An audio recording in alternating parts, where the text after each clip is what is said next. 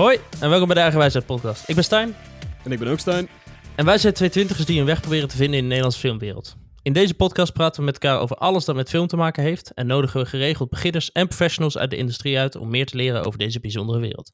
En deze week hebben we maar liefst niet één, niet twee, maar drie gasten. Wauw! Dus we hebben, eh, ik ga ze even allemaal langs. We hebben twee terugkerende gasten. Timo van Lierop. Eh, en dan de, de meest, most frequent eh, gast van de podcast, Nino van der Steen. Oh, wow. Hey! En Weer de een, nieuwe... eh, weer een challenge. ja, is je- een je- derde al, ja. Is Want hij stond gelijk met Nick. Hij stond gelijk met Nick en nu loopt hij weer voor. En de derde en Oh, nieuwe gast, Nol de Wit. Hey! Hey, daar ben ik dan. Ja, en er is een, eh, er is een reden dat wij eh, jullie allen hier bij elkaar gebracht hebben. Het zit namelijk als volgt. Stijn en ik hadden het er deze week over. Ehm, we zeggen het letterlijk in de intro van onze podcast elke week. eh, wij zijn twee twintigers die een weg proberen te vin- vinden in de Nederlandse filmwereld. Dus wij vinden het dan ook leuk om de luisteraar een beetje mee te nemen in ons, in ons eigen proces van het filmmaken. Dus we hebben voornamelijk heel veel afleveringen gemaakt waarin we praten over andere mensen en verschillende vakken, eh, vakgebieden binnen de filmindustrie. En het leek ons juist deze week wel leuk om. eh, wij hebben het afgelopen weekend hebben wij namelijk met deze kleine crew een productie gedraaid. Dus het leek ons leuk om deze hele aflevering toe te wijden aan die productie. Hoe dat allemaal gelopen is. Hoe de samenwerking onderling gegaan is. Hè, want iedereen hier had dus een, een, een andere taak. Eh, onze Nol die, die, die heeft het geluid gedaan. Die had voor dit weekend nog nooit geluid gedaan. dus er zijn eh, waarschijnlijk genoeg interessante dingen om eh, over te spreken. Dus ze zeiden, joh, ga- laten we gewoon eens een keer proberen een aflevering te maken met, eh, met drie gasten in plaats van met één. Dus het wordt een klein beetje eh, proberen ook voor ons. Maar eh, ja, mannen, welkom. Dank. Goedemiddag. Ja, thanks man. Ik ben blij eh, dat we even kunnen buurten met z'n allen. Meens. Ik denk dat, ik denk dat we gewoon even moeten beginnen met eh, een klein beetje context van eh, de shoot van eh, afgelopen weekend, denk ik. Mhm. Of ja, Want- afgelopen weekend, wanneer want- de aflevering uitkwam, is dat ondertussen alweer een week verder. Maar Het begon allemaal bij jou. Eh, ja, het zit namelijk als volgt. Mijn, eh, mijn, eh, de, de, de broer van mijn vriendin, die heeft een escape room gekocht. Dat hoor je goed. Die zin die hoor je ook niet elke dag. Maar hij heeft een escape room gekocht. Gewoon een volledige escape room. En toen hebben we het er een tijdje over gehad. Van joh, we willen hij wilde daar een, een, eh, een videopromo voor gaan maken. En, dat, en die video zou dan ook onderdeel worden van de escape room zelf. Dus die krijg je te zien wanneer je eh, de ruimte binnenkomt. En er zijn nog wat dingen gefilmd die worden tijdens de escape room zelf afgespeeld. Ehm, en het wordt natuurlijk op social media gebruikt gewoon eh, als promotiemateriaal. Budget was niet denderend hoog, dus toen zijn wij op zoek gegaan naar, oké, wat zijn mensen waarmee ik vaker heb samengewerkt, waarvan ik weet dat ze eh, gemotiveerd mooie dingen kunnen maken, wie dit een leuke opdracht lijkt, eh, lijkt om, eh, ja, een uitdagende opdracht lijkt om aan te pakken. En toen ben ik bij de heren Stijn de van der Steen, Noldewit en Timo van Lierop aangekomen. En zodoende hebben wij afgelopen weekend twee opnamedagen gehad. Eh, best wel variërende opnamedagen ook. We hebben één dag hebben we best wel wat actie moeten uitvoeren zelf. Met eh, politieuniformen en wapens. En, en, en, en daar, kwam, daar hebben we een hoop dingen geleerd. Er kwam van alles bij kijken wat betreft eh, vergunningen en, en, en contact met de politie en de gemeente, et cetera. Daar zullen we het zo meteen met Nino even over hebben. Eh, want dat was voornamelijk zijn pakje aan. Ik denk dat Nol, ik denk dat jij heel veel geleerd hebt over geluid afgelopen weekend. Want ja, dat is normaal gesproken niet iets waar, je, waar, waar jouw expertise ligt, maar wel iets wat jij aangepakt hebt dit weekend. En wat volgens mij gewoon heel goed bevallen is. Zeker, zeker. Ik vond het keihard om te doen. Met En ik heb sigaretje. dan eh één of twee keer eh, productie met jullie meegeholpen. En dan deed ik eh, dus geen audio. En nou een keer audio proberen, het, het beviel me echt keihard man. Het was echt keihard. Ja, dat vonden wij alleen maar mooi om te zien, want eh, audio is de, de, de, het vak waar wij, al- de rol op een set waar wij altijd eh, het langste naar op zoek zijn. Wie komt bij ons de audio doen? En eh, ja, dan houden we nog over Timo van Lierop. Timo, waar wil je het over hebben dadelijk, jongen? Of wil je gewoon een beetje meelullen? Ja. Ja. Ja, want eh, jij had eh scriptje gemaakt, ons erbij geroepen. eh, en toen begon, begonnen wij drie, Nino, jij en ik, met onze productieplanning. Ehm, en het eerste wat meteen duidelijk was, was dat er best wel eh, wat papierwerk bij kwam kijken. Dit was nog, volgens mij begonnen we in de tijd dat er nog een avondklok was en er ook nog geen einde was voor die avondklok. Zouden ja. eigenlijk gaan filmen zelfs.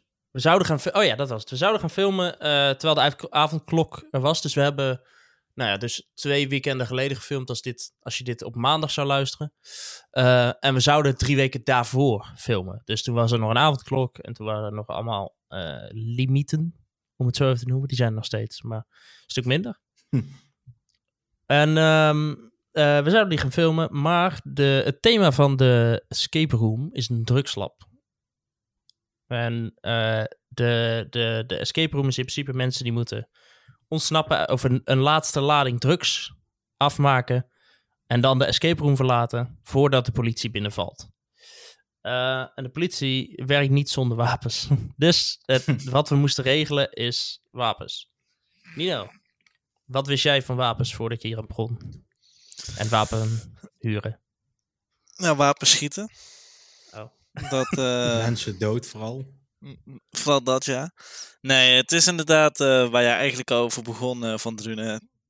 Wat een van de grootste uitdagingen zijn van, van mijn ontwikkelingen in het filmvak, zijn toch wel de low-budget producties. Die stiekem toch vaker op het pad komen dan dat je hoopt.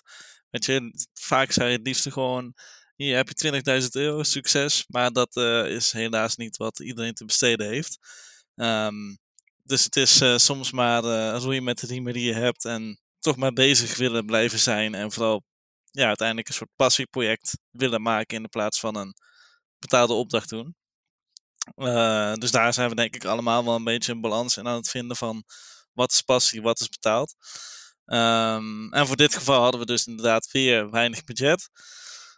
Maar waren toch wel een minimale aantal eisen die geregeld moesten worden. Zo hadden we dus inderdaad, waar je al over begint, ehm, een heel arrestatieteam van vier man. ehm, die volledig uitgerust moesten worden met kleding, wapens, eh, handgeweren, dat soort dingen. Ehm, nou, dat krijg je niet zomaar mee natuurlijk. Eh, je kent de verhalen wel dat eh, rappers met video's eh, op straat met BB-guns of nepgeweren of wat dan ook eh, staan. Die worden allemaal ge geheid gearresteerd. Ehm, dus dat, eh, dat kunnen wij niet, eh, zulke risico's kunnen we niet lopen. Geen één film maken, naar mijn mening. Je moet dat gewoon officieel eh, regelen. Ehm, Ik denk alleen wel dat in de, in de drill rap scene het makkelijker is om waarschijnlijk een... Gearresteerd te worden. Eh, ik denk dat het goedkoper is om gearresteerd te worden, lijkt mij. ik, weet niet, ik weet niet wat de boete is voor het eh, eh, openbaar... eh, je hebt alleen het risico dat je wordt Ja, het neergeschoten. is volgens mij niet ja. per se boete. Er zijn volgens mij wel andere dingetjes die je krijgt. Ja? Was het twee jaar geleden of zo? eh, dit even helemaal. Dat er iemand neergeschoten werd. Ja, was het twee jaar geleden niet een echt wapen gebruikt bij zo'n videoclip ook ergens in Nederland? Toen was Volgens mij iemand afgelopen jaar zelfs. Je Ja. werd de, kamer, eh, de cameraman neergeschoten volgens mij. Ik denk niet dat het goedkoper is om, om gearresteerd te worden. Want je kan of negen maanden celstraf krijgen... of een geldboete van 20.500 euro. Of Ja, mensen was, doodschieten. Dat is dus ook nog blijkbaar. Of je wordt neergeschoten. Ja. Dat kan ook. Nee, dat was de huidige manier waarop wij het opgelost hebben wel... eh, Niet veel goedkoper, maar het was goedkoper.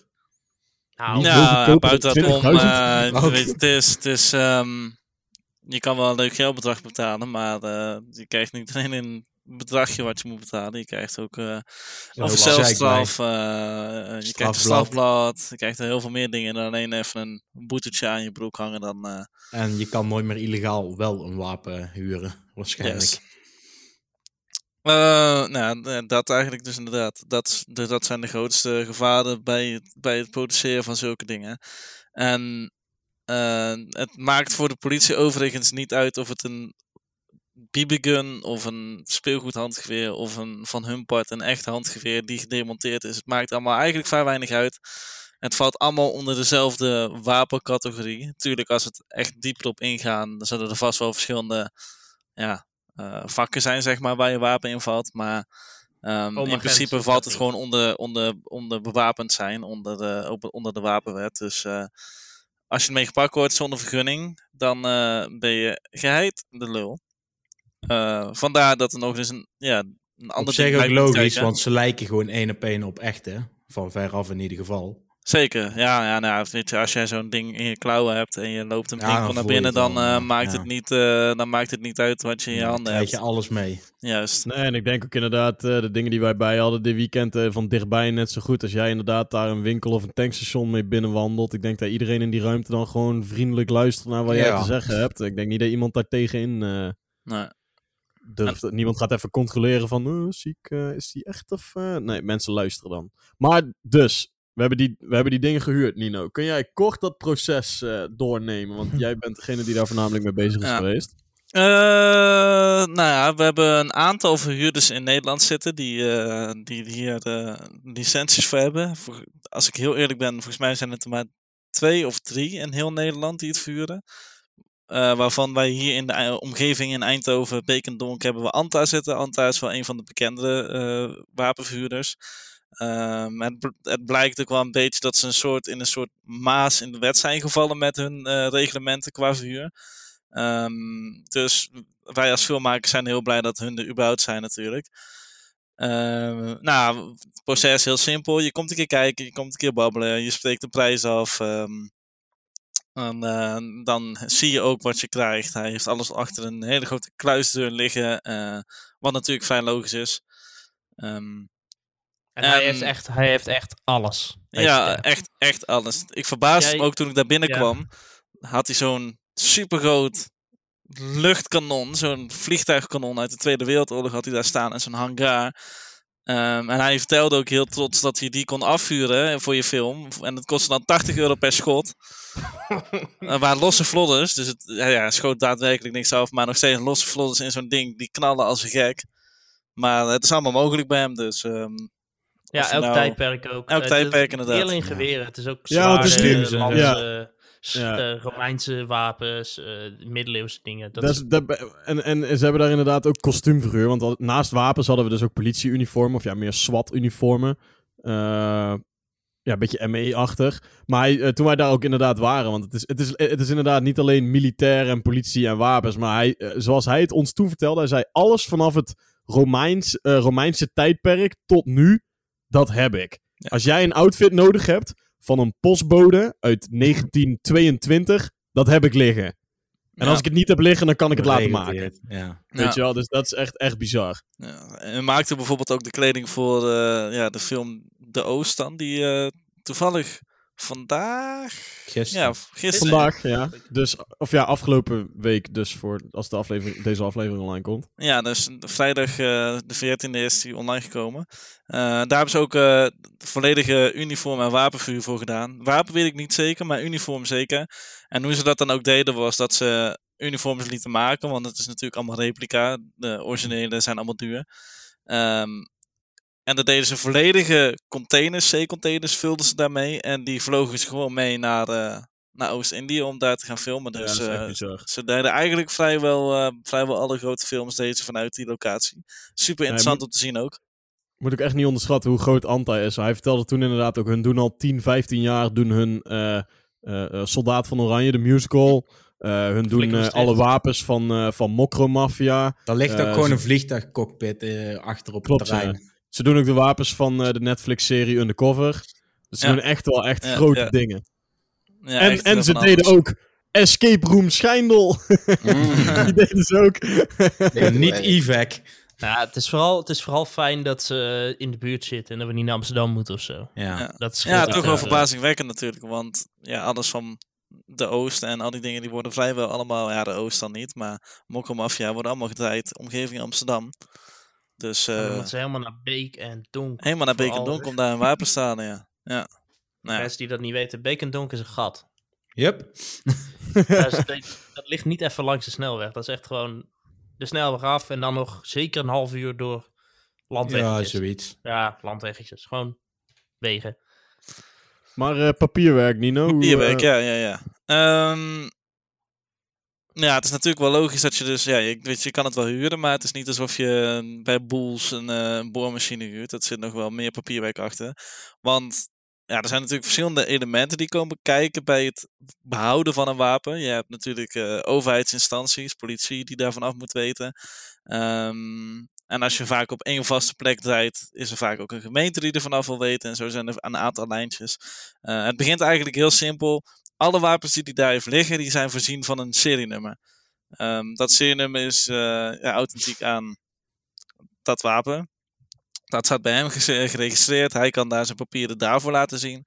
En jij als behouder van het wapen eh, moet een TVW, ter verhuur van wapens, vergunning hebben. Eh, en dat wapenverhuurvergunning is in principe niet een onbekend ding. Het wordt natuurlijk vaker gebruikt. Eh, de politie zijn daar ook eh, redelijk bekend mee. Maar het is vaak wel een heel proces om het te, ge- ingevuld te krijgen. Je levert informatie aan. Dat informatie wordt omgezet in een formulier. Dat formulier moet naar de korpscheftaken. De korpscheftaken is een ja, partij die eh, volgens mij een aantal verschillende partijen in voor elke regio één die, die zulke ja, grote wapen, wapenzaken op zich nemen eigenlijk. En die eh, lezen het door, die gaan een hele background check op ons doen. Dus zowel Stijn van Drunen als ik hebben een hele background check gekregen eh, over onze geschiedenis, waar we vandaan komen, waar we in ra- aanraking zijn geweest, dat soort dingen.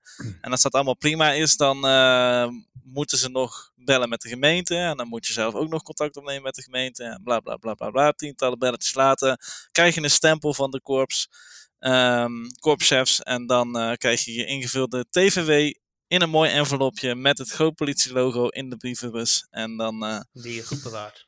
die je goed moet bewaren. Want zonder die, eh, want zonder die papiertjes dan eh, ben je dus illegaal in bezit van wapens, eigenlijk. Ja. En eh, het is leerzaam, het is moeilijk, maar als je het één, één keer hebt gedaan, dan... eh, ja, weet je, iedereen is, het zijn natuurlijk gewoon mensen. Ik heb in mijn productietijd al redelijk wat aparte mensen gesproken in, eh, in Nederland. eh hoofdjustitiële inrichtingen en weet ik veel wat. En uiteindelijk, ja, het zijn allemaal maar gewoon mensen die gewoon...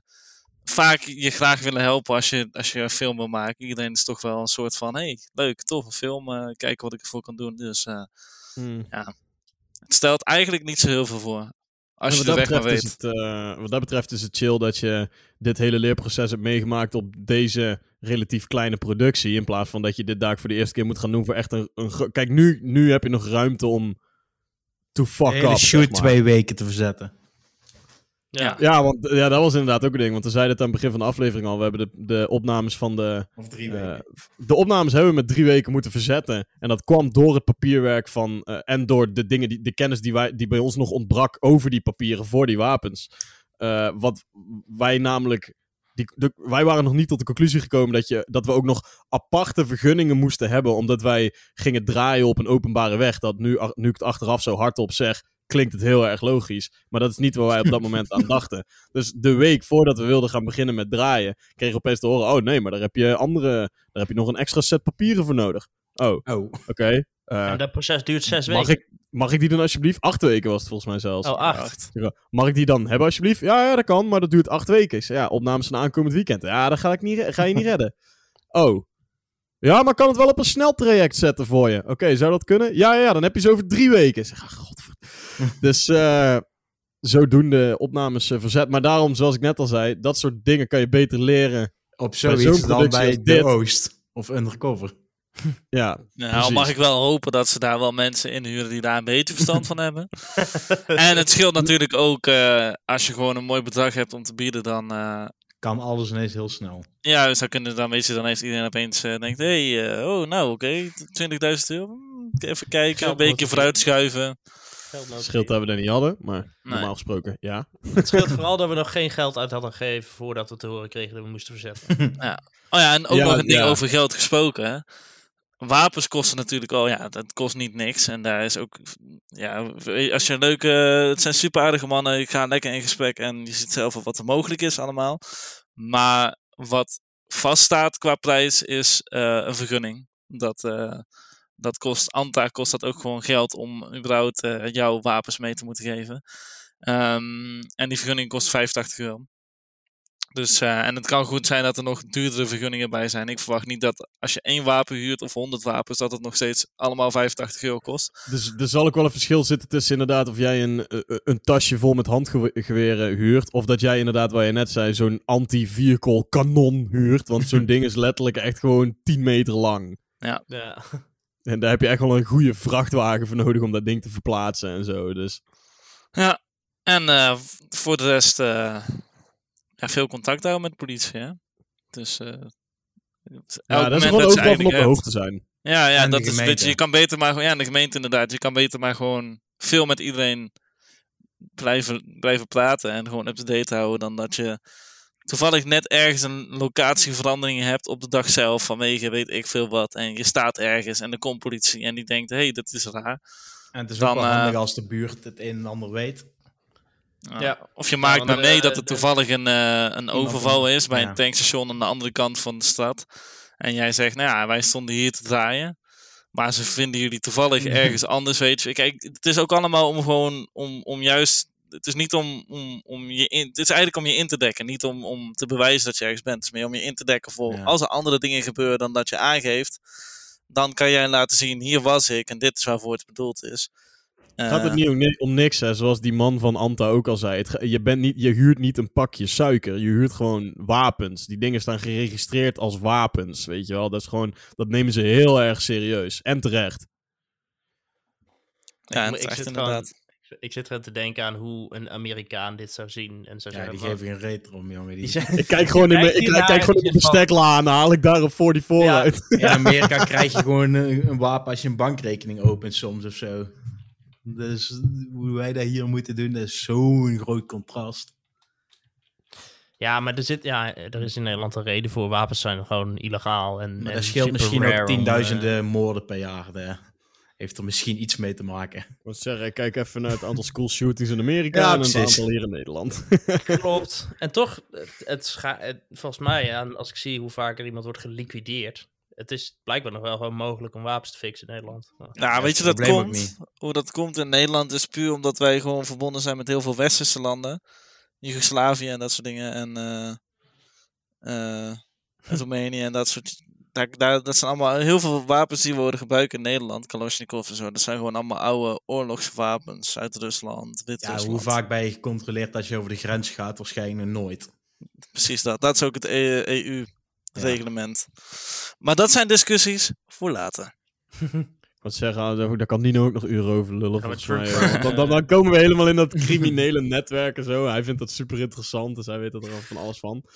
Eh, Ik, eh, ik denk dat we even door moeten gaan eh, schakelen naar eh, de man die tot nu toe eh, vrij eh, stilletjes heeft zitten toeluisteren. Zeker. En zo ook afgelopen dingen. weekend. Mhm. No!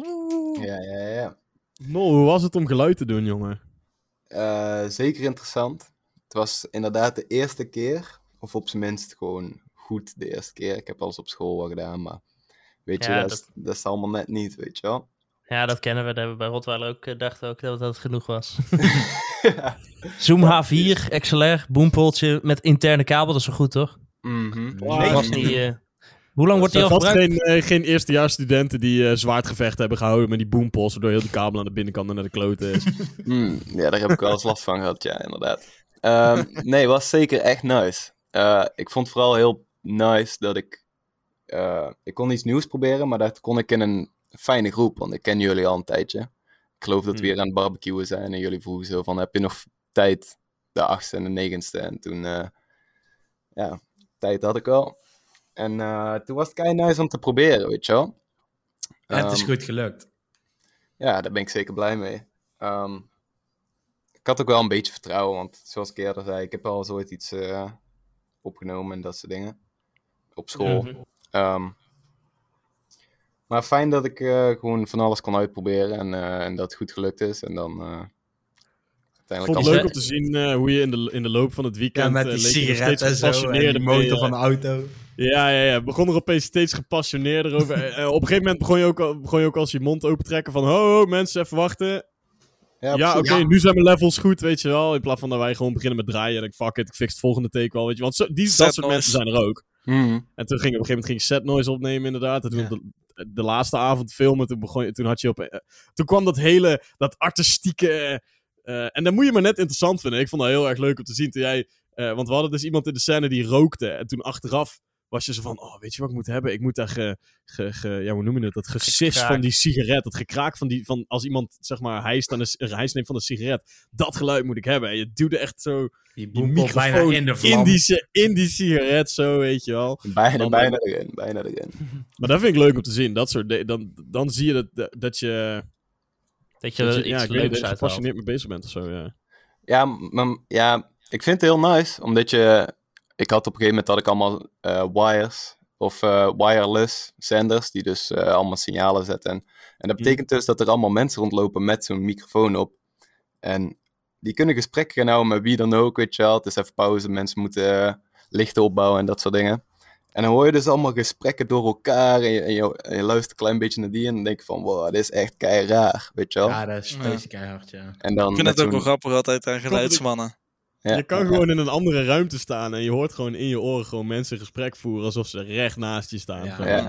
Terwijl, je- terwijl jij er voor hun helemaal niet bent. Ja, ja, Nee, precies. mensen Het vergeten beetje- ook gewoon, acteurs vergeten ook gewoon dat ze iets aan de microfoon op hebben. Ja, Dus of dan die, gaan ze naar de wc of zo. Ja, precies. Dat gebeurt ook wel Ja, nee, Meestal ik nee, is dat wel door acteurs. Meestal is dat wel standaard procedure dat ze een mute-knop aanzetten. Ja. Maar, eh, Ik had dat bij, eh, bij Duncan en bij Bart, had ik dat eh, toen wij zeg maar op de rekening aan het filmen waren. Toen had ik van de audioman had ik nog een apart zendersetje of eh, ontvangsetje gekregen met een headset ingeplukt, zodat ik ook gewoon tijdens dat ik bij de monitor mee aan het kijken was, kon ik ook daar meteen de goede audio horen.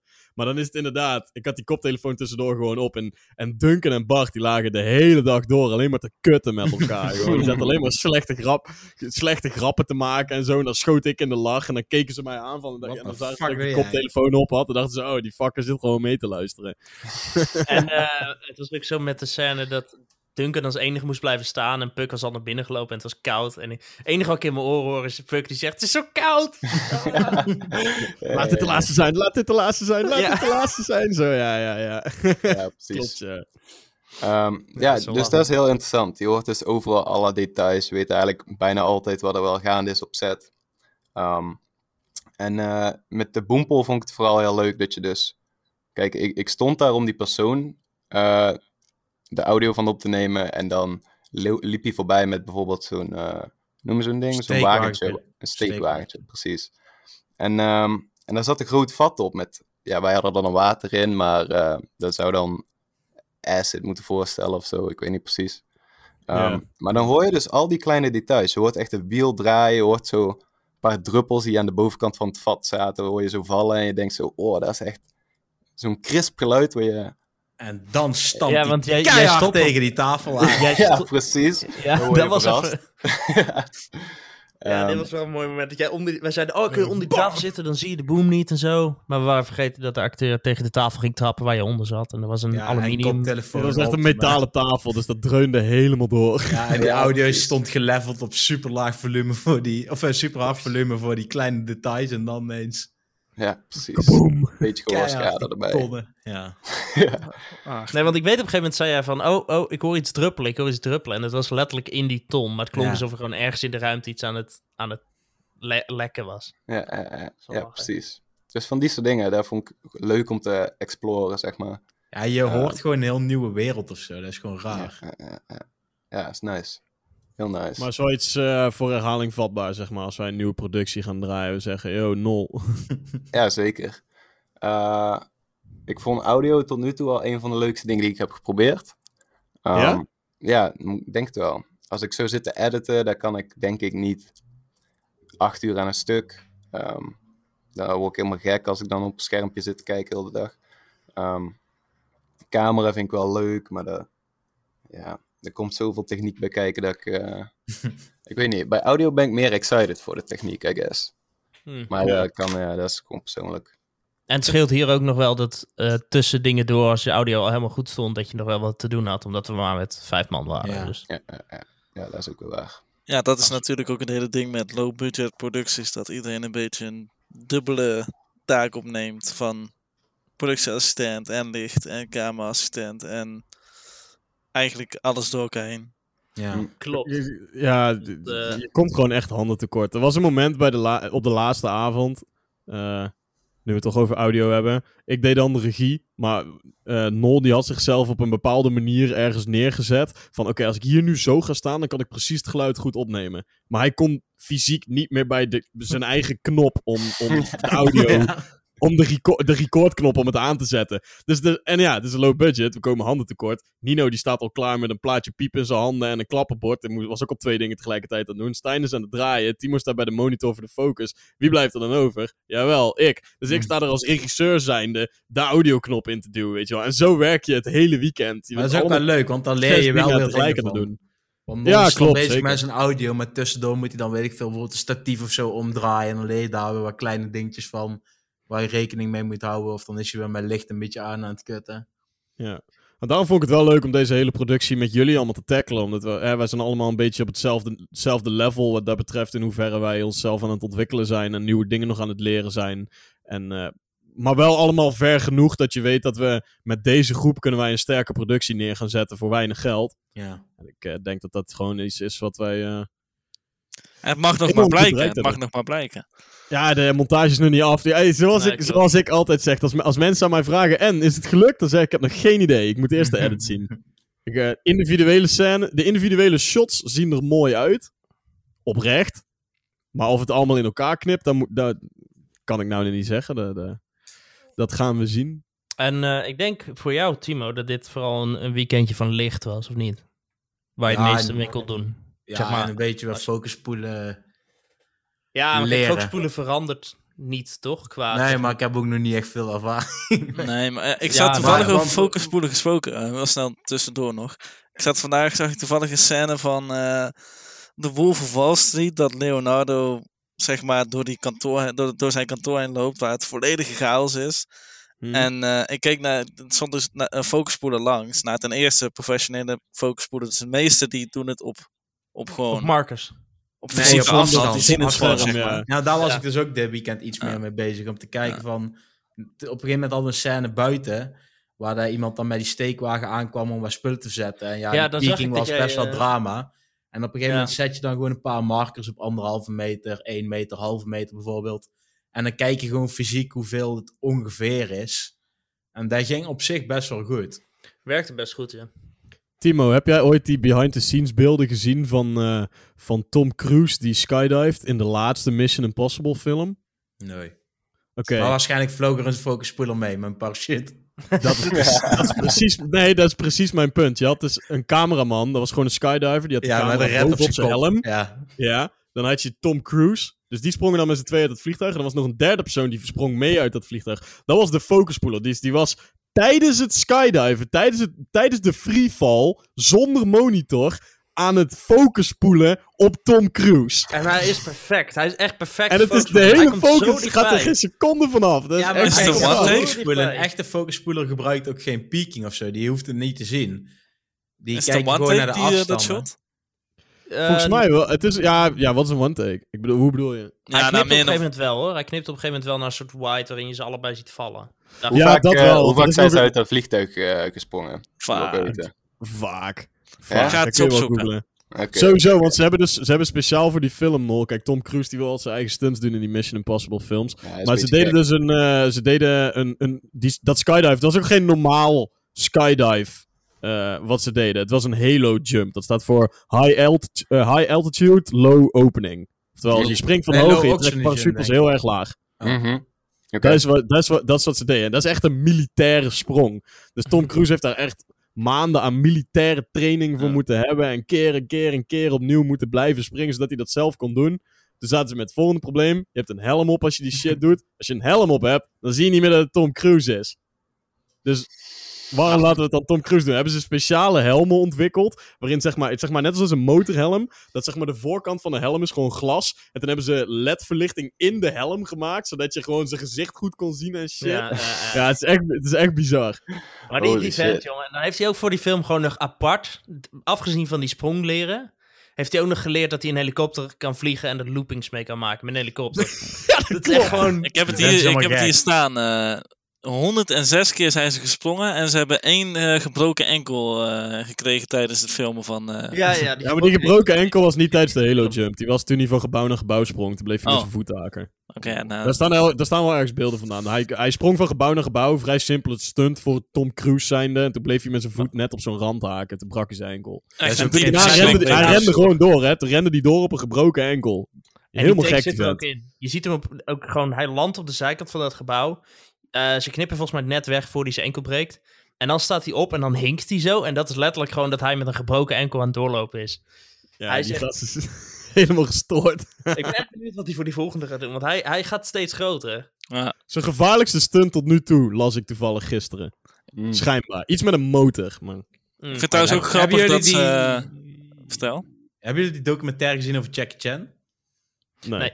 Die heeft een super geniale documentaire, ja, een soort cursusje van drie kwartier of zo, over hoe daar hun stunts doen. En Oh, daar heb ik wel eens is, van voorbij zien komen. dat is super grappig om te zien, want eigenlijk is het allemaal best wel simpel en zo. Ze zagen allemaal dingen in en zo, maar dat, dat is ook wel echt interessant om een keer een stuntman of zo gewoon uit te nodigen. Ja, gewoon daar iets omheen te schrijven. Ik zou daar ook Maar- doorsturen. Laten we, want we, we wijken af met... Nee, ik bedoel, voor de, ik bedoel voor de podcast. Ja, ja. Oh, oh, zo. Oh ja, dat is zeker leuk. Ik ken die man, maar is wel leuk. Ja, ik wel. Maar we wijken wijken- af en dat is mijn schuld. Ik begon over Mission Impossible. Maar ik wou dat dus even benoemen, Timo. Die beelden moet je maar eens opzoeken. Van die helemaal gek, die gast. Aan het skydiven, aan het focuspoelen, geen monitor. En dan, wat zijn die nou net? 106 keer of zo, zei hij? Ja, dat is echt- 106 keer, ja. Dat is echt, echt bizar. En dan Dus, hebben ze ook eh, een bepaald licht dat ze nodig hebben. Dat is echt... En ook nog eens, eh, de- de- ook nog een BTS-cameraman springt ook nog mee. ik bedoel, dat, is wel, dat vind ik wel logisch. Want dan... eh, ja, dat is wel vet natuurlijk. Zie je al voor je. Ah, Tom, eh, Tom Cruise krijgt niet genoeg licht. Dus er springt ook nog een extra guy mee met zo'n reflectiescherm. Met zo'n plaatje Piet die zo net buiten beeld zo aan het meevallen is. audioman met een boempel zo. Ah! boem zijn beeld, boem zijn beeld. Sorry, sorry. Ja, precies. Ja, het wireless dingen gaat ook niet echt helpen als jij eh, een kilometertje of weet ik veel, je tien moet die misschien hele wel. shit EDR'en Al waarschijnlijk. die audio's gewoon opnieuw Nee, maar ook gewoon achteraf, daarom ja. springt ook die focuspoeler mee. Omdat gewoon bereik is. Ja, meestal is het eh, Oh ja, nee, 100 dat klopt. meter of zo. Hey, en anders doe je het gewoon op een eh, A7S met autofocus. Ja, springt veel lichter op je hoofd. Ja. Ja, dat is wel waar. Dat is beter voor je nek. Nee, maar qua licht vond ik het ook eh, dit weekend heel... ik weet niet, ik voelde me... Ik was de DOP dan, maar ik, ik merkte inderdaad wat jij daarna achteraf zei, Nino, dat ik echt nog veel meer moet leren over licht. Want ik, ik was erbij en ik had af en toe ideetjes, maar het kwam meer echt van jou en Timo dat het licht eh, er mooi uitzag. Vooral de, de TL-verlichting had ik totaal niet hoe ik het in mijn hoofd had. Ik, had, ik zat erover na te denken. Ik had helemaal niks in mijn hoofd eigenlijk voor die, voor, qua licht. ja. Wacht, oké, dat, ben- dat vind ik wel ISO interessant. Je 15.000. zegt dat je... Je had voor je idee had je iets in je hoofd totdat je op set aankwam. En toen opeens Ik had dacht niks je, ja, eigenlijk heb ik niks in mijn hoofd. Ik had, ik had niks. Ik, nou, ik, dacht, ik zat achteraf na te denken. Ik dacht van, als Nino er niet was geweest en ik had het licht moeten doen, wat had ik dan gedaan? Waarschijnlijk iets gebounced op het plafond. That's it. Dat is echt minimaal. Maar ik, ik, ik heb echt gewoon... Ik, ik heb denk ik vanaf het begin Uiteindelijk gedacht... Oké, in die binnenscène denk ik licht. een lamp of 6, 7 of zo. Ja, Ja, Nino doet het licht en eh, dat, eh, dat zie ik dan wel eh, hoe en wat. Maar ik merk nu gewoon dat ik veel meer moet doen qua licht dan alleen... Het is niet... Het ding met een DOP is een beetje vaag waar zeg maar het werk van een gaffer begint en DOP stopt. Ja, daar vroeg ik me dus een beetje af hoe dat zit bij bijvoorbeeld filmacademie en zo. Nou ja, want het ding is, kijk, de gaffer bepaalt wel het licht, maar de Ja, DOP, DOP zegt bep- hij wil. nee, de DOP bepaalt het licht en de gaffer voert het volgens mij uit. Ik, denk, ik denk dat de DP gewoon... Ja, het hangt ook een In beetje Hollywood, van... hè. In ik- Nederland is dat weer totaal anders waarschijnlijk. Ja, en die samenwerking zal variëren per DP en per gaffer. Ja. Ehm, maar ik, ik denk inderdaad dat je... Ik, in een zekere zin zal de DP zal meer tegen de gaffer zeggen... een bepaalde stijl die hij wil misschien. Of een bepaalde sfeer die hij wil neerzetten. En dan gaat de gaffer bedenken hoe dat hij dat gaat uitvoeren of zo. Hoe het in dat boek Nou, stond waar ik heb gekocht, stond volgens mij dat de, de DP bepaalt het licht, gewoon hoe dat eruit moet zien. En de eh, gaffer die is gewoon verantwoordelijk voor dat alles opgezet wordt door zijn best boys en zijn elec- electricians. Klopt ongeveer ook wel wat jij zegt. Ehm, het is inderdaad de DOP die, DP die hij regisseert wel echt. Het is wel, het is niet voor niks een director, zeg maar. Hij regisseert ook echt samen met gaffen en dan heb je daaronder heb je de belichters. De belichters zijn de best boys en de eh, electricians. Of hoe ze dat in eh, Nederland, weet ik niet precies wat het in, hoe het in Nederland heet, maar ehm, je regisseert wel echt een plaatje. Dus je, als jij een plaatje hebt, dan moet je ook wel weten wat er allemaal staat. En ja, je hoeft niet tot in de puntjes te weten op welke puntje die staat. Of, eh, maar je kan wel zeggen, ik wil dat die lamp iets meer eh, op spot gaat. Of ik Ja, wil daar eh, twee stops vanaf. Of weet je, je moet daar wel echt wel verstand van hebben om, om te kunnen regisseren hoe je plaatje eruit ziet. Want uiteindelijk ben jij daar gewoon verantwoordelijk voor. Eh, het betekent niet dat je, ja, weet je, je hebt niet voor niks een gaffer opzet. Een gaffer weet als het goed is hopelijk ook wel meer van licht dan dat jij weet. Ehm, Ja, die Maar weet dat is meer een het beetje spel. denk ik vooral. Ja, maar Ja. meestal zijn het ook wel creatieve Ja. belichters, denk ik, I guess. ja, want ik denk ook dat, waar Nederland heel erg een ding is, kijk, hier in Nederland is een gaffer ook weer iets heel anders waarschijnlijk dan in Amerika. In Nederland doet de gaffer gewoon al het licht voor de cameraman. Voor tenminste op het niveau van producties waar in ieder geval wij op zitten. En alles tot aan een miljoen budget volgens mij.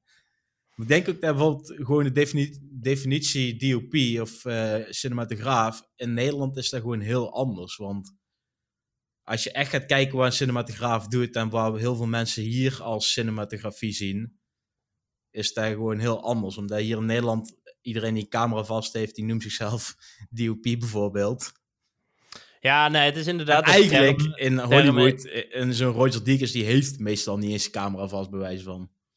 Nee, dat klopt. Je maar een aparte van die- operator. Ja, van die precies. termen als eh, DOP in, en, en filmmaker heel, heel vaag zijn hier in Nederland. Omdat iedereen die titel Nou, kan het is onwetendheid, denk ik.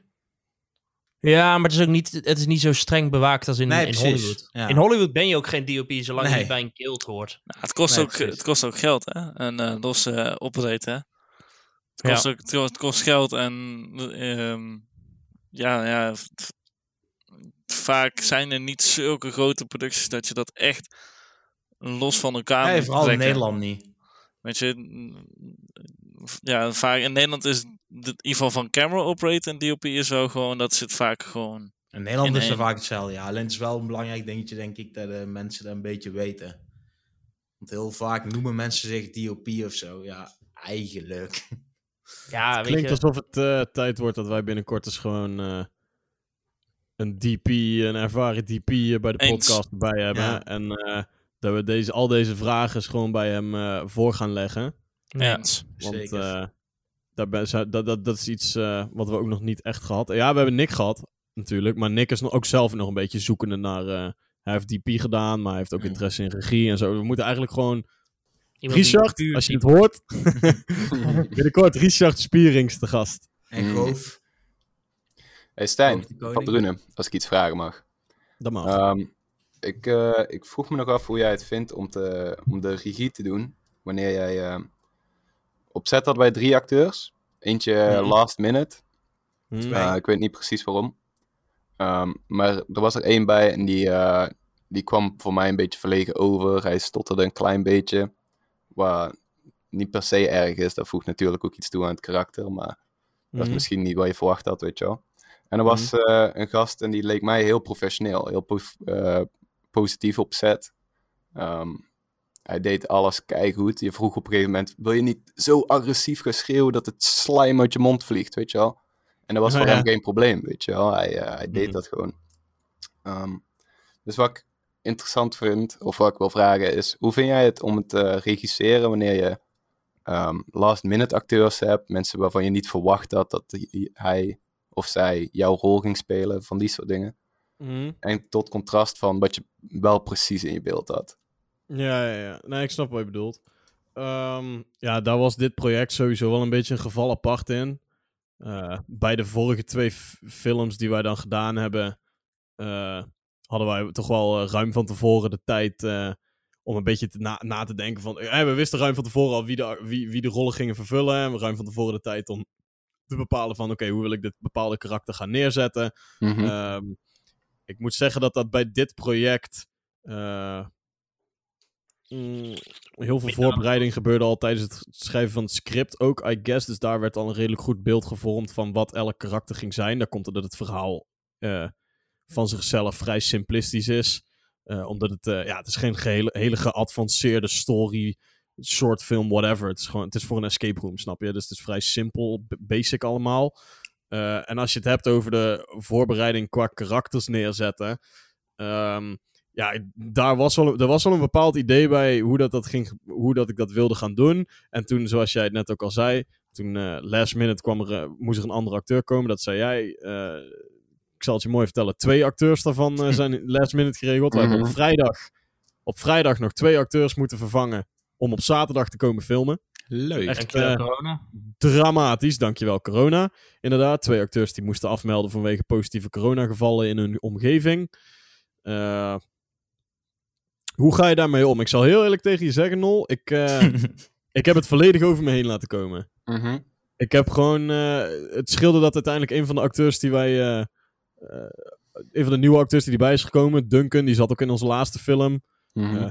Die kenden we al. Daar hadden we al een band mee. Die heb ik vaker gesproken. Ik weet een beetje hoe, je met, hoe ik met hem moet, eh, moet spreken.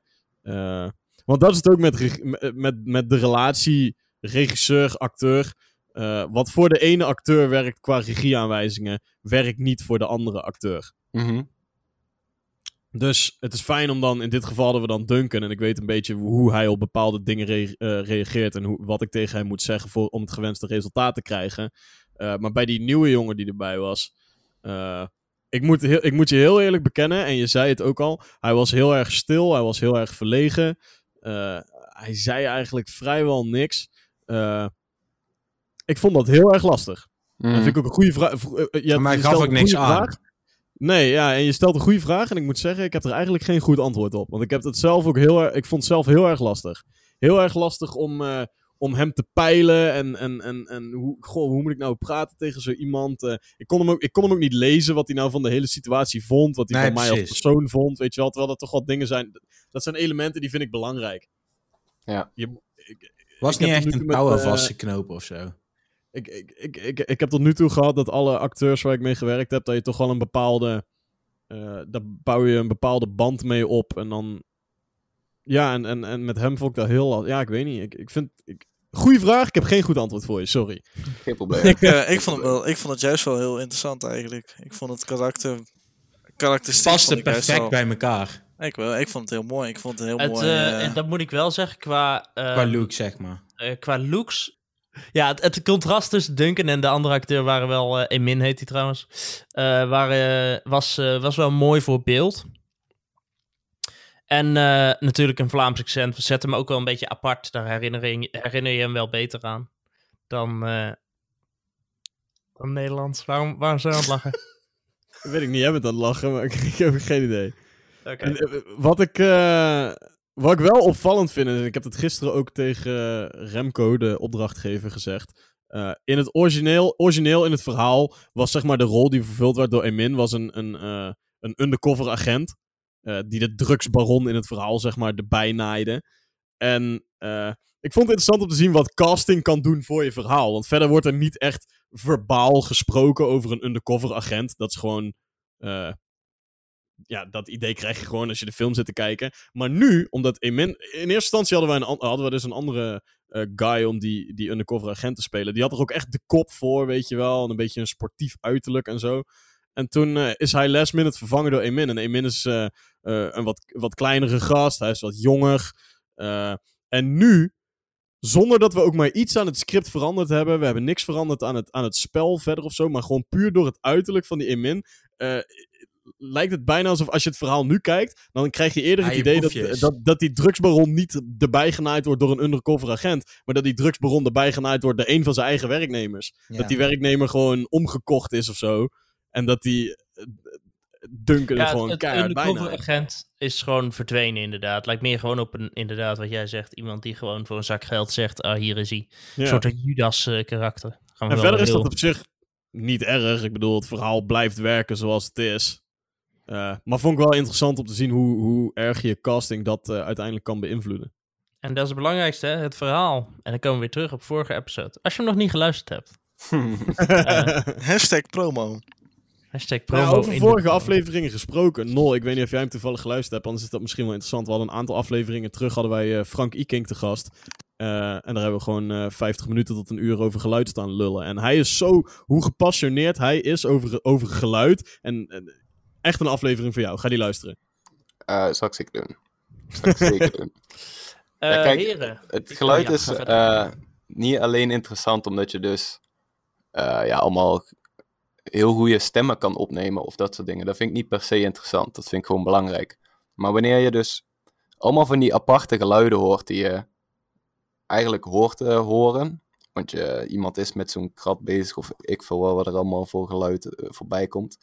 Ehm, het is gewoon leuk dat je overal unieke geluiden hoort en dat je die en je weet gewoon, oh Stijn kan die geluiden misschien nog wel gebruiken voor in de edit of Hmm. je kan mensen laten denken dat iemand zijn nek breekt, maar je doet gewoon een flesje omdraaien, weet je wel. Folieartiest. Van die foley shit is ook super interessant. Ja. Ehm, maar voor iedereen die luistert, ik zou altijd aanraden om van alles te proberen. Ik zou niet, tenzij je echt weet dat je bijvoorbeeld DOP wil worden, maar Ja, Als je dat is alles denk een ik keer ook het probeert- voordeel op dit soort shoots. Je komt overal, omdat je met zo weinig mensen bent en gewoon budget niet hebt om dedicated audio guy, dedicated lichtman, et cetera te hebben, gaat iedereen toch altijd een beetje met elkaar ook aankloten om elkaar te helpen en zo. En kijk, Ja. daar leer je niet echt per se echt alles van, maar je weet wel een beetje van, oké, daar licht is bijvoorbeeld interessant of audio is interessant. Ja, het is al van die kleine dingen als hoe, hoe ruim je die lamp bijvoorbeeld op? Hoe Ja, ruim je die ja, op? En wat, waar- waarom moet je eh, iets zo oprollen en iets zo oprollen? oprollen. De, De- het zijn al- zijn eh, ook allemaal in dingen principe- waar je... Of je nou ehm, de dag begint met een weg afzetten en daar dan drie uur zitten. Of, en daarna kun je wat hulp eh, bieden. Of je doet het gafferwerk. Je leert altijd wel wat van een ander op zo'n kleine shoot. Ja, maar ook gewoon bijvoorbeeld ook qua veiligheid dingetjes en zo. Veiligheid dingetjes ook. We hebben inderdaad, bijvoorbeeld ja. niet een statief van 6 meter hoog omflikkerd omdat er wind iets te misschien hard waait. gebeurd, misschien niet. Ik doe er geen uitspraak over. geen commentaar. En het is eh, vooral fijn als je dat in een, in een groep kan doen, ook Ja. die je kent. Ja, Want als ik ja. jullie, als ik bij beeldvreemden daar het geluid stond te doen, dan stond ik daar een stuk minder zeker en was ik een stuk minder Hmm. Ja, experimenteel je moet, ook, en dat je soort moet dingen. ook durven te zeggen van jongens, stop met opnemen. Mijn audio Ja. loopt niet goed. Eh, want als je dat niet ja. doet, dan moet je dat achteraf nog even zeggen. Terwijl mensen al aan het juichen zijn over hoe goed de take was. Ja, ja, dat is zuur. Na de rap Ja, kom je erachter dat je heel de dag geen kaartje in je recorder hebt gezet. Oei, ja, of dat je, dat je gewoon op een 4K stuk hebt opgenomen in plaats van 6K. Mm. Dat is Ik ook denk inderdaad dat we in dat opzicht eh, allemaal wel iets geleerd hebben, dit, deze productie. Ja. En Ja, misschien wou wel nog aan... eh, meer dan iets gewoon. Glas ik nog aan de Waal springen. Want dit, Stijn, dit was jouw eerste... je zei het zelf al, dit was jouw eerste DP-credit. Eerste echt officiële. Mhm. Eh, ja, we hebben wel die korte film met Timo en met Piotr toen gedaan. Maar ja, laten we eerlijk zijn. Dat was allemaal heel snel run en gun. opeens uit het niks, heel spontaan. Dus dit was wel je eerste echt voorbereide project. Ehm, heb, jij, heb jij nog nieuwe dingen geleerd over eh, de communicatie of de samenwerking tussen nou, jij en ik, regisseur en DP? Of tussen Nino en, en, en Vooral en, tussen en jou Nino en voor- mij heb ik eh, gemerkt dat... eh, ik heb tussen Nino en mij gemerkt dat ik qua communicatie niks weet. En het scheelt dat ik dan Nino heb als opnameleider en niet iemand die ik nog nooit eerder mee heb gewerkt. Want anders zou die heel gefrustreerd worden over, eh, over alles. Mm. En ik Nou, merk bij, alleen eh, zegt hij het niet. Misschien. Ja, nee, dat klopt. Nou is je wat Nee, ja. vriendelijker. ja. Nee, ik merkte gewoon dat Nino bepaalde dingen van mij vroeg en ik niet snapte wat hij nou van me vroeg. Zoals dat hele doorloopverhaal, ik, ik zit nog steeds erover na te denken hoe ik dat... Want Nino vraagt om een doorloop. En dan zeg ik, oké, wat bedoel je daarmee? En aan wie vraag je... Ik was nog steeds ook niet duidelijk aan wie het nou elke keer vroeg. Of je het aan mij vroeg als DOP, of was het aan Stijn van Drunen als regisseur. Nino Ja. heeft dat de vorige keer geleerd. Nino heeft dat geleerd bij, eh, van Richard, denk ik. Hm. Nee, nou, niet alleen dat. Gewoon door de, door de verschillende keren heen. Het is ook heel erg met welke crew je speelt. Wat, wat werkt per scène. En doorloop kan niet altijd hetzelfde zijn. Maar op een gegeven moment merk je het door de tijd heen. de- door de producties die ik de afgelo- afgelopen tijd als eh, First AD heb gedaan. Merk je van, oké, dit werkt wel. Soms hoor je ook een keer van, hé, hey, eh, ja, nou, deze doorloop was heel soepel. Als dit de rest van, de rest van de dag zo kan gaan, dan eh, gaat het helemaal top, weet je wel. Dan, dan, dan krijg je ook je feedback hier en daar. En dan, eh, ja, Mhm. op basis daarvan leer je. Ja. Stijn moet dat boek vooral- even een keertje door gaan lezen. Want daar, dat is een boek over, eh, ja, voornamelijk over licht. Maar daar gaan ze ook best wel diep in over set-ethiek, zeg maar. Dus wat je wel Mhm. en niet op set mag zeggen, wat mag doen. Dat je op een Amerikaanse set bijvoorbeeld niet mag gaan rennen, omdat dan iedereen denkt dat er paniek is. Wat bij ons wel gebeurt. Ik denk vooral bij Nino dat het, het, het moeilijke aan de communicatie met jou was dat jij als opnameleider praat je tegen Stijn, maar als gaffer praat je tegen mij. Ja. En het was voor mij niet duidelijk in welke rol jij iets vroeg. Nou, eh, ik weet, ja, Want als doorloop, eh, jij vroeg als doorloop, oké, wat is de doorloop? Vraag je dan aan Stijn om met de acteurs uit te spelen, of vraag je aan mij letterlijk elk shot te zeggen waar ik de camera ga neerzetten? Dat was voor mij niet duidelijk. ik, ik kan het Idealiter eigenlijk... gewoon het shot gewoon eigenlijk een keertje doen, toch? Nou, het, het, is, het zijn verschillende dingen. Ik kan het even kort uitleggen. Ik denk dat het sowieso op zich wel interessant is om, om, om het in een paar zinnen te vertellen. We gaan er later nog wel een keer dieper op in. Een doorloop is. eh, een, een, een doorloop is voor, voor eigenlijk alle heads belangrijk. Want. ehm, nou, stel je komt. eh, je begint met z'n allen op een dag. ehm, ehm, make-up en kleding zijn vaak al eerder aanwezig. Locatie, make-up, kleding, catering zijn allemaal eerder aanwezig om bepaalde taken uit te voeren die ja, of gedaan moeten worden wat de rest aankomt, of vaak lang de tijd nodig hebben. Dus acteurs zijn er meestal ook net voor de crew. Eh, niet allemaal, dus het, het zal soms misschien 10, 15 minuten schelen, maar soms scheelt het ook uren. Eh, en dan komen de acteurs om de beurt komen steeds aan. Die worden dan meegenomen door een productieassistent of ze komen zelf eh, aan en dan gaan ze de make-up in. Maar op een gegeven moment, na een, na een half uur aankomst ongeveer, dan een kwartiertje eigenlijk. Meestal doe je een kwartier ontbijt en dan doe je een doorloop. En een doorloop is eigenlijk voor alle heads om even bij elkaar te komen. Eh, en dan ga je gewoon een lijstje af van, van boven naar beneden van wie wat gaat doen eigenlijk. Dus je vraagt aan de regisseur, nou wat wil je? Eh, de regisseur vertelt zijn verhaal. Eh, op basis daarvan zet je een simpele blokking neer. Een simpele blokking is eigenlijk nou, precies wat de regisseur vertelt. zet je de acteurs dus ja, in een blokking neer. eh, en daar help ik dan mee. Eh, als, als zijn assistent van de, van de regisseur help ik mee om die blokking neer te zetten. Om de loopjes neer te zetten. En als we dat ongeveer weten, dan ga ik naar degene daaronder. En dat is de DOP. En ik vraag nou oké, je ziet wat wordt gedaan. Wat ga je schieten? Ehm, de DOP zegt, nou, ik wil een fightje, een closeje, een mediumje, pap, pap, pap, pap, pap. Ehm, zodat je, eh, weet je, heel veel weet je eigenlijk al wel. Eh, een doorloop is meer om, om op de dag zelf alles, alle informatie even naar boven te halen, want heel veel is van tevoren al gewoon uitgedacht. Eh, maar ook om met z'n allen een beetje op één lijn te komen. Dus jij zegt, nou, ik doe een mediumpje, een whiteje, overshoulder, overshoulder, andere kant op, bla bla. Nou, uiteindelijk heb je zes, zeven shots per voor deze korte scène. En op basis daarvan weet de gaffer van, oké, dit komt er in beeld. Hier Eh, kunnen geen statieven staan. Voilà, weet je, het, het zou super zonde zijn om een heel mooi lichtsetup te bouwen en uiteindelijk zie je van, oké, de helft staat in beeld. We kunnen helemaal opnieuw beginnen. Dat, daar heb je ook geen, geen tijd voor. Eh, op basis van de doorloop kan ook de geluidsman zien waar hij kan gaan staan, weet je. En zo ga je een beetje met alle heads... eh, tafel. eh, Ja, eh, zo ga je een beetje met alle heads, kom je op één lijn. En vaak heb je na de doorloop heb je dan nog een stuk opbouwtijd. Want veel van de heads, eh, zowel art als licht als eh, grip of wie, je allemaal eh, ook op set hebt, die zijn al bezig tijdens je, tijdens, voordat de doorloop überhaupt begonnen is, zijn ze al bezig. Omdat hun natuurlijk al hun eigen plan hebben uitgeschreven. Je roept ze alleen maar bij elkaar en je vraagt vaak aan een assistent opnameleiding of die even de acteurs uit de make-up wil halen. en even opzetten te krijgen. Doorloop met z'n allen. Acteurs gaan terug. De rest gaat de laatste aanpassingen doen. Kleinste, kleine aanpassingen doen. Daar heb je ongeveer plus minus een half uurtje voor. En na dat half uurtje dan zorgt de assistent opnameleider ervoor dat alle acteurs er zijn. Zorgt dat de geluidsman zorgt dat hij zijn plekje weet en iedereen gezenderd heeft. Licht zorgt ervoor dat hun klaar zijn. DOP zorgt ervoor dat hij gelijk zijn eerste shot kan maken. En zo komt het samen allemaal op één. En dan na een half uur kan je ongeveer je eerste shot draaien. Ehm, dat is eigenlijk in principe een doorloop. Oké. Ja. En Ik nou merk kort, dat, eh, is dus, eh, dat is iets waar ik echt nog steeds... eh dat moet ik leren. Ik wil veel te snel door. Zo. Ik heb het al een beetje geleerd met, met Richard toen we zeg maar, op de rekening aan het draaien waren. Toen zei hij van, ik wil een doorloop zien. En ik snapte niet wat hij bedoelde. Ik zei gewoon, waarom? Of hoezo? hij zegt, ja, ik wil zien wat er allemaal gaat gebeuren in deze scène.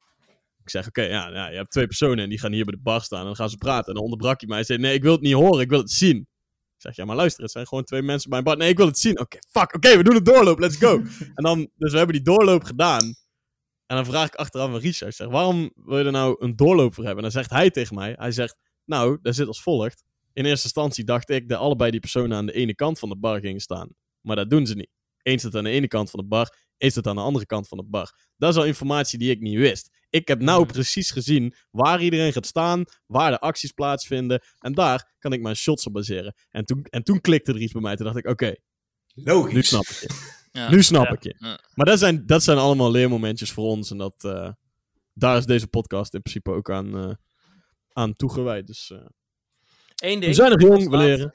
eh, als compliment aan Nino. De laatste dag zijn wij precies op tijd gestopt. Hey, Eerste alles. dag ook. Ik moet Inclusief eerlijk zeggen, ik moet eerlijk bij. zeggen, en niet om, eh, om, om, eh, om mijn eigen schouder te kloppen, maar eh, gemiddeld, gemiddeld ga ik, kom ik meestal on time. Niet altijd, meestal ik zit soms al een uurtje langs, soms zit het ook wel meerdere uren langs. Ehm voor die het oude onder andere, maar dat was niet helemaal juist. schuld. meestal zit ik wel on time. Ja, vooral dit weekend. eh, ja, ja oké, jongens. hey.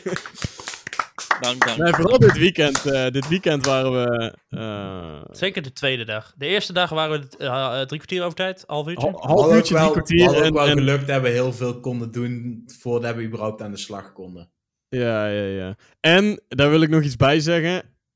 Ik denk niet. Als we op de originele draaidatum gedraaid hadden, dan waren we helemaal niet over time gegaan.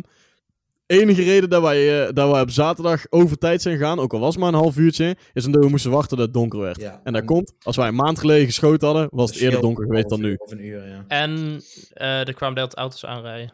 Timo. Timo. Dat was alleen op het begin. Timo wordt niet meer ingehuurd als productieassistent. Als je- ook al was hij nu ook geen productieassistent. Als je aan Timo van Lier opvraagt of hij de auto overdwars op de weg neer wil zetten om de weg te blokkeren, dan zet hij hem in de berm en dan zegt hij: Nee, man, dan gaan mensen echt niet voorbij, man. En dan iedereen Maar slaan. blijkbaar zijn mensen fucking dom. Timo, je stond gewoon in de berm. Nee, ik stond niet in de berm, ik stond op de weg. Je, Je moest er echt wel- Je moest, er, je moest er echt wel omheen zigzaggen, alleen ze hadden zo'n kleine kut vier, of, eh, Peugeot 107.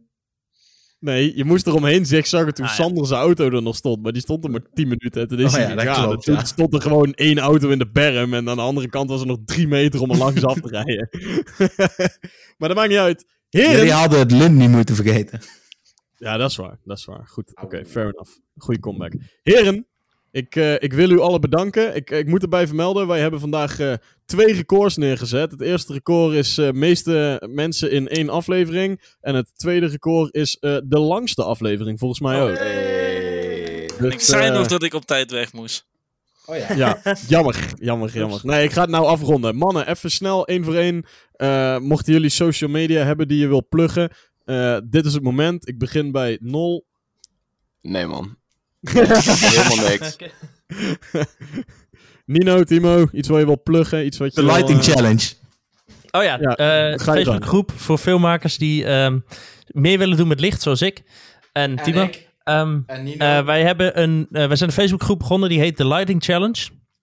Eh, die kun je, eh, kun je joinen. En wij geven in principe elke week een heel vage beschrijving, of een heel simpele ehm, omschrijving van eh, iets wat je ziet. En dan de rest laat van jou. Dus qua stijl mag je het helemaal zelf doen. Qua eh, uitlicht. Vooral, het gaat vooral om hoe je het uitlicht. Dus bijvoorbeeld Puur de om challenge van deze week is... Een persoon leest een boek op een bank. That's it. Meer krijg je niet van ons. Eh, en wij willen van jou graag zien wat jij, wat jij doet met die zin en eh, hoe jij dat gaat uitlichten. We hebben nu twee eh, inzendingen binnen al voor vandaag. Drie, Dus mijn nog- heb ik ook af. Ik moet hem gewoon En even het zijn doen. echt totaal andere... Ja, Ja. andere...